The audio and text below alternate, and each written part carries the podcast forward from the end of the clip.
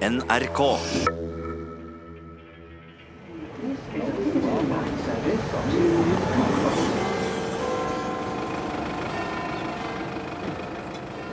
Museum er i verdensmetropolen London.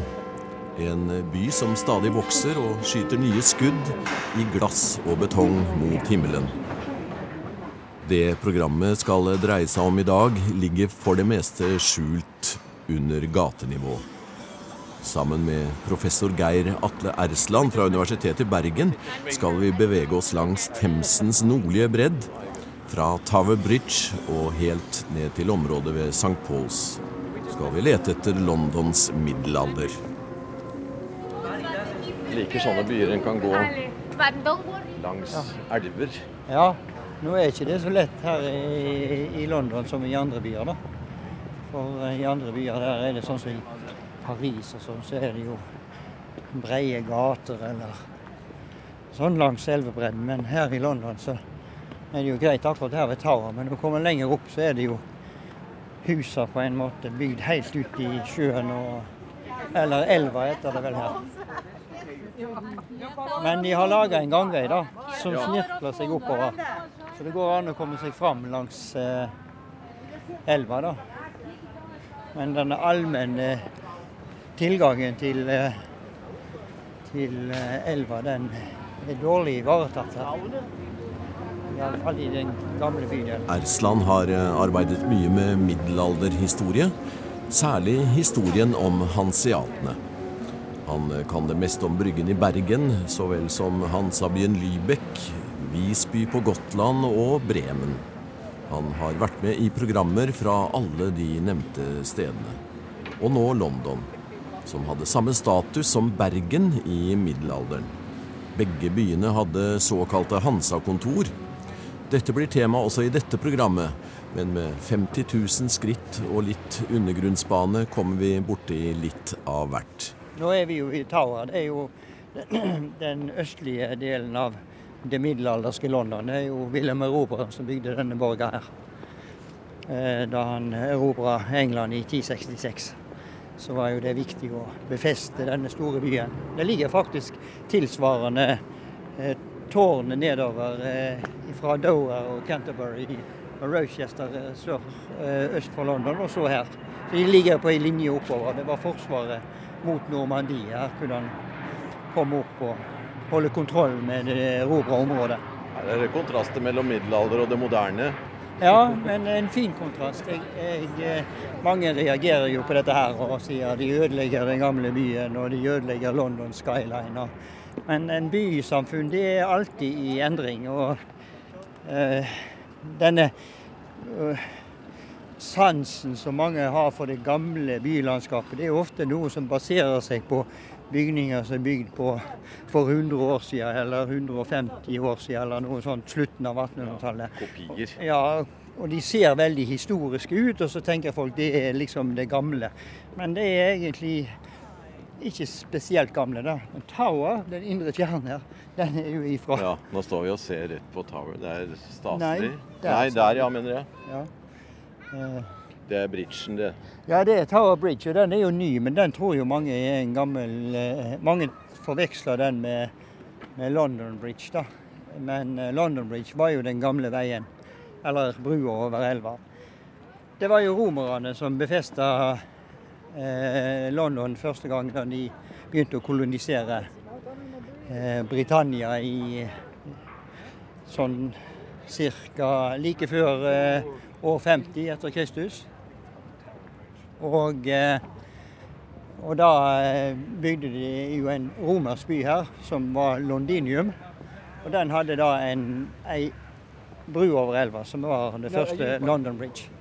Men den sto ikke Den overlevde ikke den romerske perioden. Romerne trakk seg jo ut av Britannia i, i år eh, 413, hvis jeg ikke tar feil. Eh, Eller da trakk de romerske styrkene seg ut, og dermed så lå jo landet fritt for eh, invaderende germanske stammer. Først og fremst anglere og saksere, da. Eller det angelsaksiske. Eh, Og de erobra jo hele London. Eller de erobra jo hele det som hadde vært det romerske Britannia pø om pø, og, og London forfalt fullstendig. Det, det var antageligvis ikke noe liv laga i byen etter den romerske perioden, og i kanskje et par hundre år. Bortsett fra at en del av de romerske bygningene sto i ruiner, og, og bymuren var mer eller mindre intakt. Det er jo den vi ser på kart i dag når vi ser The London Wall, som, egentlig, som går i en stor halvsirkel opp her Ja. fra Tower og så kommer ned igjen da i, ved Fleet Street eller der. Det er jo eh, den gamle romerske bymuren. Det vil si den er borte. Den ble jo restaurert i middelalderen, men den ble revet på slutten av 1700-tallet. Så den eksisterer ikke mer, men i dag er den liksom en, en slags ringvei rundt det som var det middelalderske London, som i dag blir kalt for City. Oi, se der, ja. 125 pund. Ja, endelig kan få en ekte rustning. Hvor eh, Den der er jo så tjukk i huet at eh, kanskje Nei. Kanskje jeg kunne blitt nå, Nei, det sa ikke jeg. Nå putter du. Det ble ikke noen rustning, men nå nærmer vi oss London Bridge. Og akkurat der den krysser, har det vært eh, bro lenge. Dette er jo den moderne.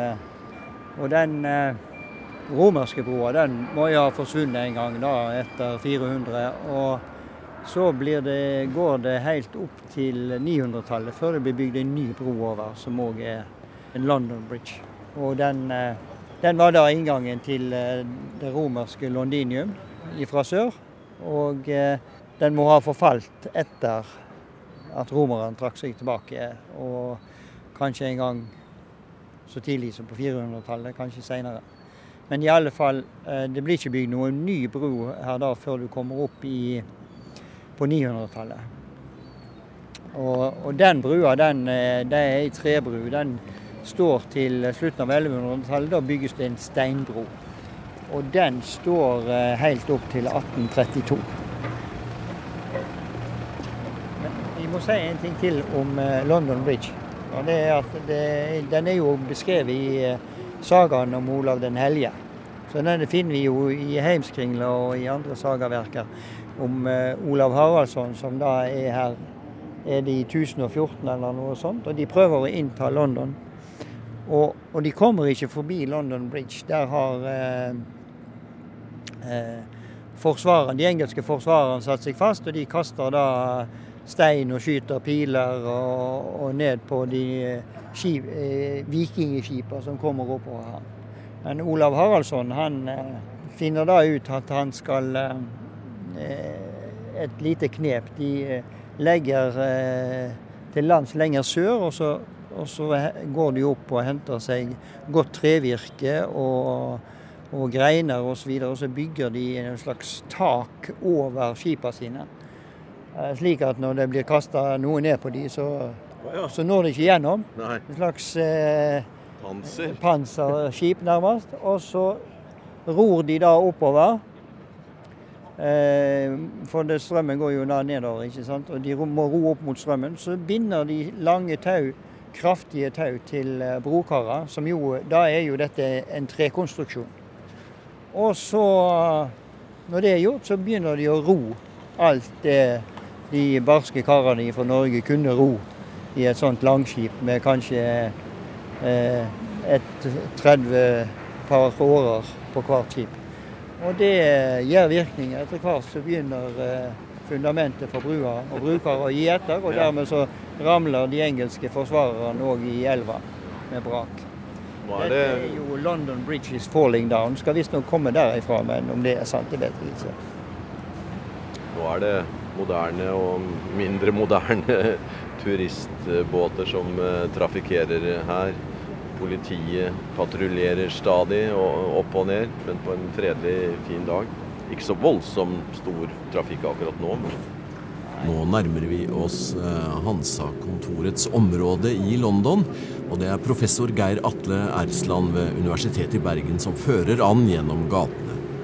London og Bergen hadde den samme status som Hansa-kontor i middelalderen. Dette mektige kjøpmannsforbundet som drev handel i stor stil i det nordlige Europa i flere århundrer. morsom bro der òg, da. Ja, det er gangbro. Millennium Bridge, det der, Ja. som er bygd i årtusenskiftet. Den er flott. Og den går det over til Tate Modern, som er vel verdt et besøk. Ja. Kan hende vi kan gå over den i morgen, da. Hvis vi skal Ja. over på den andre siden og se Ja, inn på middelaldersiden. veldig fint å jobbe her, altså. Ja, vi har møtt noen joggere. Ja. Men her ser vi, vi snakker om det middelalderske planmønsteret, ikke sant. Så ser vi akkurat som, i, som i, vi har sett på Bryggen i Bergen, og for så vidt òg i alt det gamle Bergen. Det er disse smale passasjene, enten passasjer eller smug, som går rett, vinkelrett ned på havneområdet. Ja. Eh, Og så går gaten i bakkant. Samme som i Lybekk og Ja, i sett i Visby. osv. Det er en, en markant eh, del av, eh, av den urbane morfologien, for å si det sånn. Og, eh, og, og det er en funksjonalitet i det som er, som er enkel å forstå. Nå har vi nok en gang gått i en blindgang. Ja. Da snur vi og går tilbake. Tror vi går og å gå gjennom Stavanger Technics? Der ser du, der er det en plakett i svart. Ja. Der står det om eh, hanseaterne i London. Så nå får vi gå bort og se om vi kan lese det som står der. Hvis vi ikke blir nedrent av alle joggerne som farer forbi her hele tida.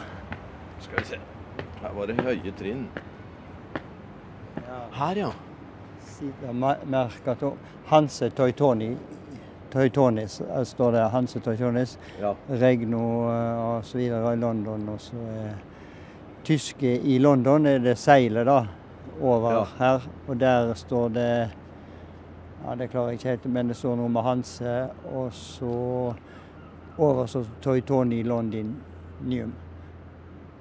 Og det er da seilet til de tyske hanseatene i London, og de har da denne dobbeltørna, ja. Eller ørna med to hoder, da. Eh, som jo var eh, den keiserlige tyske ørna òg. Og så står det da for å Står det under eh, to six- celebrate 60 years of peace between the people of Britain and Germany. Ja. Det her har de prøvd å slå sammen dette til et minnesmerke over freden etter andre verdenskrig og eh, en fredelig hundreåra før, da tyske handelsmenn bodde her i London. Og, og det er jo òg en litt interessant ting, for det ser du når du leser eh, den vitenskapelige litteraturen og dette, så blir det eh, påpeka gang på gang at livet mellom londonere og tilreisende kjøpmenn, ikke minst de tyske, men òg andre, det var stort sett integrert og fredelig. Mens når vi kommer til Norge, så er det, har norske historikere nesten gjennomgående vært konfliktorienterte. Antageligvis noe med hvordan engelske historikere og britiske historikere oppfatter eh, et sånt fenomen som eh, utlendinger som driver handel i en viktig by innenfor kongeriket, og hvordan nordmenn oppfatter dette på 1800-tallet, når de da skulle studere historien til Norge, den nye norske nasjonen fra 1800-tallet utover. Der er en veldig konfliktorientert, altså. Det, og det, det bærer det preg av den dag i dag. Går, tar du en tur i, i Bergen med en, en guide, så kan du være sikker på at du får høre mye om slåssing og om u, u, uenighet. og Ja. og ufred, og at disse var liksom uteslutta fra byen de levde i. Det var en by i byen, og noen har kalt det en stat i staten. Ja. Begreper en bruker for å understreke én side, som er ren én fortolkning av det. Så kan du snu det rett om, sånn som det er her, og så si at velge en fortolkning der du ser dette som et eksempel på at slik var middelaldersamfunn. Det er eh, et samfunn der eh, veldig mange grupper, både yrkesmessig og, og opprinnelsesmessig, eller etnisk, som noen vil si, eh, var integrerte.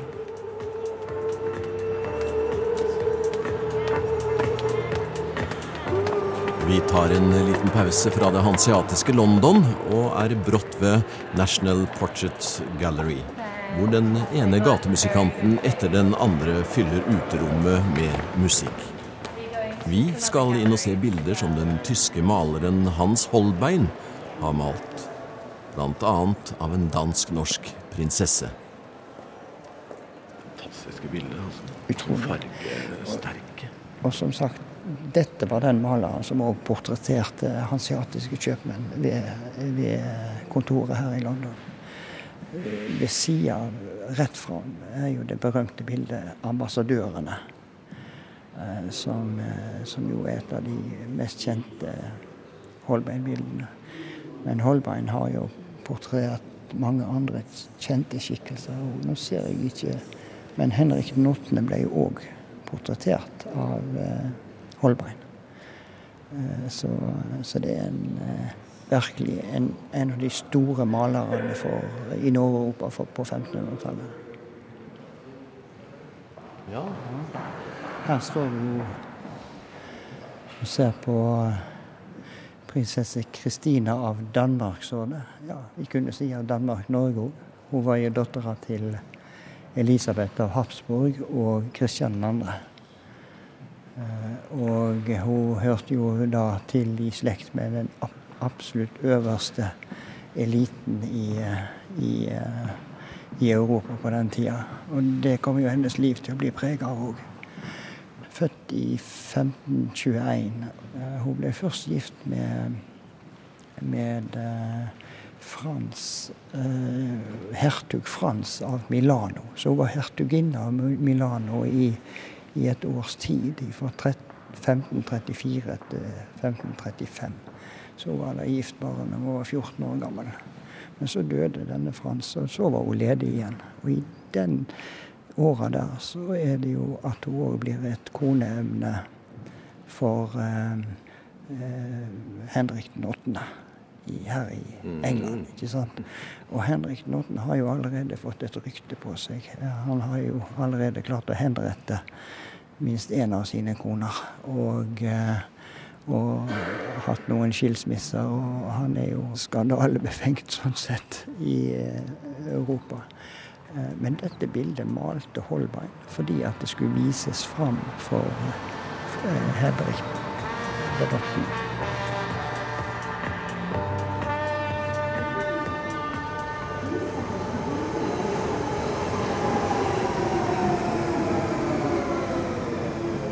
Nå haster vi av sted til eh, Museum of London, som ligger et lite stykke nord for St. Paul's Cathedral. Her er det utstilt bl.a. keramikk som er funnet under utgravninger i det hanseatiske kvartalet nede ved Themsen, og som vi snart skal tilbake til.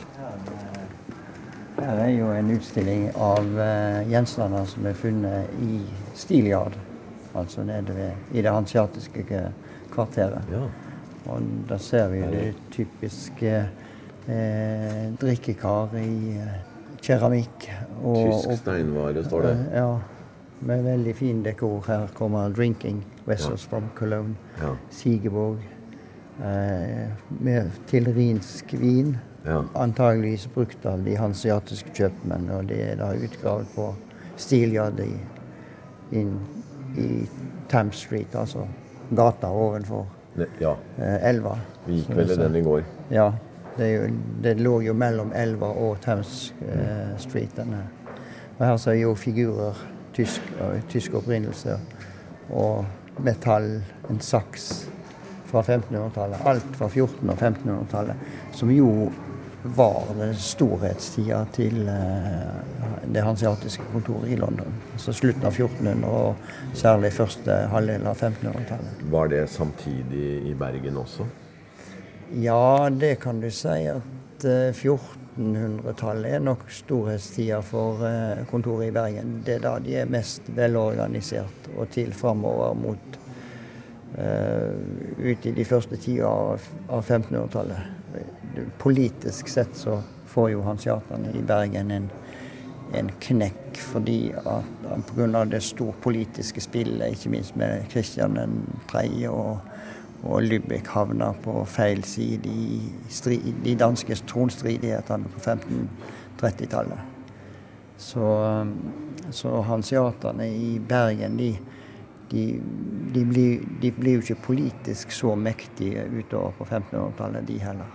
Men her i London ble jo de fratatt privilegiene i 1598 av Elisabeth altså dronning Elisabeth, mens i Bergen beholder de jo privilegiene sine helt til 1760-tallet. Vel eh, verdt et besøk, dette museet, hvis en eh, ønsker en innføring i utviklingen av London. Vi må videre og tilbake til Hansa-kvarteret ved Steel Yard og Cannon Street nede ved Themsens bredd. Så kan jeg lure på om hanseatene her i London hadde noen direkte kontakt med sine kjøpmannsbrødre i Bergen?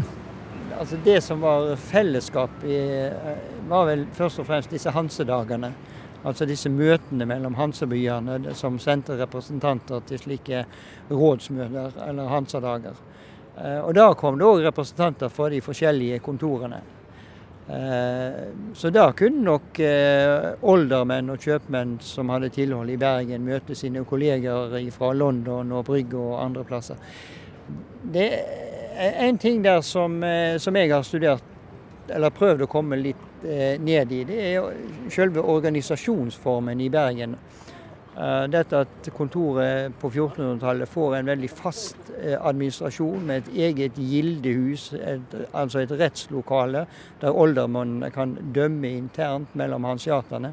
Og de tilsetter òg en fast sekretær, en mann med juridisk kompetanse som skal holde orden på arkiver og domslutninger og, og være sekretær for oldermannskapet. Og den samme type sekretær eller skriver ser du dukker opp her i London samtidig. Og, og det gjelder òg for Brygge, og kanskje òg for uh, Novgorod. Så det ser ut som akkurat på, uh, sånn i det første halvparten av 1400-tallet så gjennomgår alle disse kontorene, selv om de er kommet til på litt forskjellige tidspunkt, en slags oppgradering, og de blir fastere organisert med en bedre administrasjon og en mer sånn gjennomført uh, byråkratisk ordning, ville vi si, da. Selv om noe stort byråkrati var det egentlig ikke. Men, men de hadde altså orden på dette, at de måtte, hadde fellesutgifter. De hadde et felles regnskap for, eh, for, eh, for, dette fellesskapet som kontoret tross alt var. For det var jo egentlig private kjøpmenn som, som var underlagt den felles administrasjonen. Den skulle jo da eh, administreres og betales for. Så der var, måtte de betale en viss andel osv. i dette. Alt dette ser ut til å bli fastere organisert. og det, Vi ser jo at blant disse sekretærene så er det et par stykker som har vært i Bergen, som senere dukker opp som sekretærer bl.a. ved kontoret i Brygge.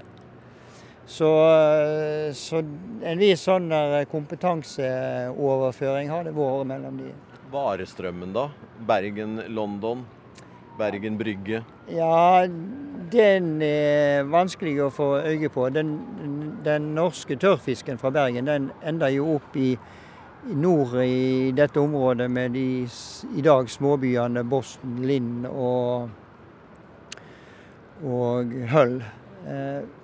Eh, og Der var det òg hansiater som tok imot. Eh, men distribusjonen derifra videre, og varene Det kom nok varer fra London opp dit som hanseater hansiater eventuelt, eller nordmenn, kunne ta med seg eh, tilbake til Norge igjen. Men hansiaterne drev jo her òg en slags trekanthandel. Altså var, disse skipene var jo organisert slik at de kunne reise med fisk fra, fra Bergen til, til England, og så kunne de reise videre og ta med seg engelske varer til kontinentet. Og, og her fra London så gikk jo veldig mye av det, den engelske ull, ullstoffer, altså ullklede, som eh, var den store eh, eksportartikkelen for hansiaterne her i senmiddelalderen. Apropos historiefortolking. Eh, her ser vi jo at utenfor eh, på gata her for eh, Cannon Street Station så har en jo satt opp eh, noen kanoner fra 1500-tallet. Eh, og det er jo en feiltolkning av det muntre slaget. For Cannon Street har ingenting med kanoner å gjøre. Det har med the cannons, altså kannikerne eller domkapittelbrødrene som holdt til i, i St. Paul. Det var jo hjelpeprestene til, til biskopen som holdt til i, i i St. Paul. Det er jo de som har gitt navnet til Cannon Street, og ikke til kanonene. Men sånn kan det gå. Ja. latinkunnskapen er tilbake, noe tilbakeønskende, kanskje. En rask tur med tuben under eh, Themsen er vi brått på Tate Modern og skuer tilbake der vi nettopp var. Nå er vi på Tate Modern på, helt oppe i tiende etasje. Utafor restauranten på en balkong med en fantastisk utsikt. Her vil jeg anbefale folk å ta seg en tur. Om ikke for å se på bilder, så Nei, du kan se på utsikten. Ja. Det er en fantastisk utsikt over eh, nettopp City, som vi har snakka om. Eh, vi ser rett fram. Her ligger jo St. Paul, og da var jo den vestlige grensa oppover det som heter Fleet. Eh, eller elva Fleet kom ned, da. ja. Altså i Blackfriar Bridge. Den kom vel litt lenger der. Og der nede ser vi da Cannon Street Station, Ja. som, eh, som jo var hovedkvarteret til, eh, til de tyske hanseaterne. Det vil si, stasjonen ble bygd opp der Jeg tror de begynte å bygge på den i 1863. Så da forsvant jo alt. Men for så vidt så hadde jo hele det hansiatiske kvarteret gått med i bybrannen i 1666. Du har hørt en podkast fra NRK P2.